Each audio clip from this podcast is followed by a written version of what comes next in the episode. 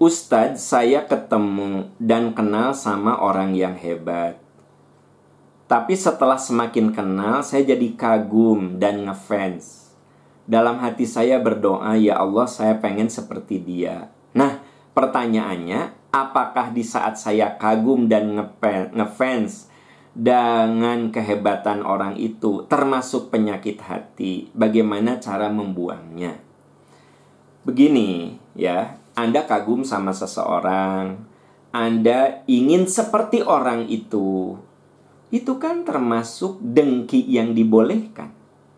Kata Rasulullah Shallallahu Alaihi Wasallam dalam hadis Bukhari, la hasada illa fitnain. Kamu tidak boleh dengki kecuali dalam dua hal. Satu, kepada orang yang berilmu, dia mengamalkan ilmunya, dia mengajarkan ilmunya, kamu ingin berilmu seperti dia. Itu boleh, ya. Nah, yang kedua, orang yang berharta lalu dengan hartanya itu dia berbuat baik kepada orang banyak. Hartanya itu digunakan untuk kemaslahatan orang banyak. Lalu Anda mengatakan, "Ya Allah, aku pengen seperti orang itu." Nah, itu justru sesuatu yang dibolehkan. Ini hadis Sahih Bukhari. Ini isyarat, sahabat-sahabat sekalian, kita boleh punya keinginan mencontoh kebaikan orang lain. Ya. Ini sesuatu yang dianjurkan oleh agama. Melihat kelebihan orang lain, lalu kita ingin seperti dia. Nah, itu boleh. Ya.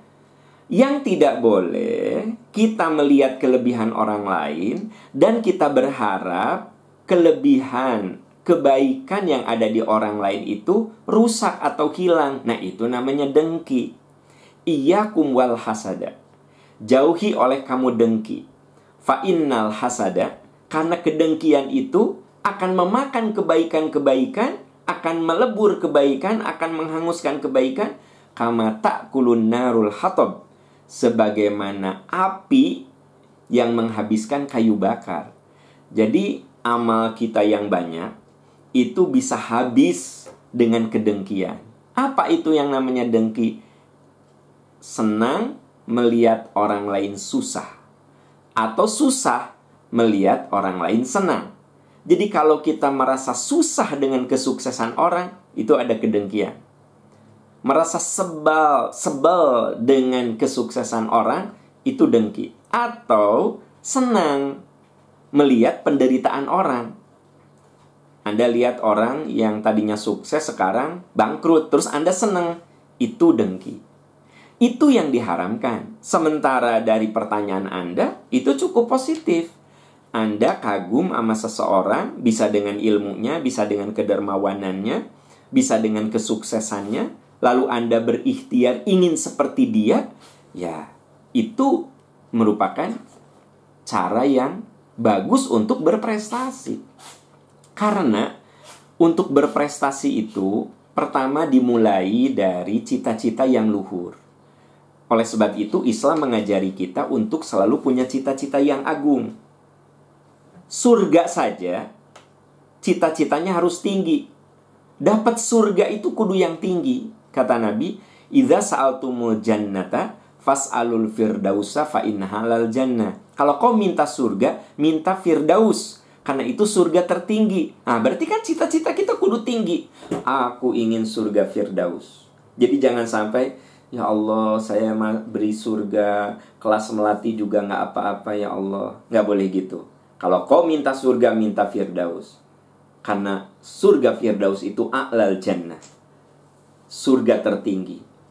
Ini isyarat kita itu kudu punya cita-cita mulia. Lalu cita-cita mulia itu ditapaki dengan amal terbaik.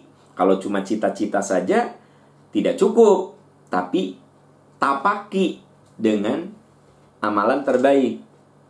Alladzi khalaqal mauta wal hayata liyabluwakum ayyukum ahsanu amala. Beramal yang terbaik. Amal yang terbaik itu di dalamnya ada ilmu, ada keikhlasan, ada kesungguhan, ada ketuntasan. Jadi ahsanu amala, amal terbaik itu di dalamnya ada apa? Ada ikhlas, ada ilmu, jadi kita kudu jadi pembelajar, ya. Kudu ada kesungguhan, harus ada entusiasme, semangat, dan harus tuntas kita mengerjakan sesuatu. Nah, ini isyarat kalau kita ingin seperti orang lain dari segi kesuksesan, mencontoh kesuksesan orang lain, berjuang ingin sukses seperti orang lain, itu bukan dengki, itu sesuatu yang dibolehkan dalam agama itu sesuatu yang dianjurkan dalam agama belajar dari kesuksesan orang lain. Itulah salah satu yang harus kita lakukan kalau kita ingin sukses. Lihat orang-orang sukses, belajar dari mereka dan berjuang seperti perjuangan mereka. Seringkali kita lihat orang sukses itu suksesnya, kita tidak lihat penderitaan-penderitaannya. Maka belajarlah dari kesuksesan orang lain dan itu sesuatu yang sangat mulia. Wallahu a'lam bissawab.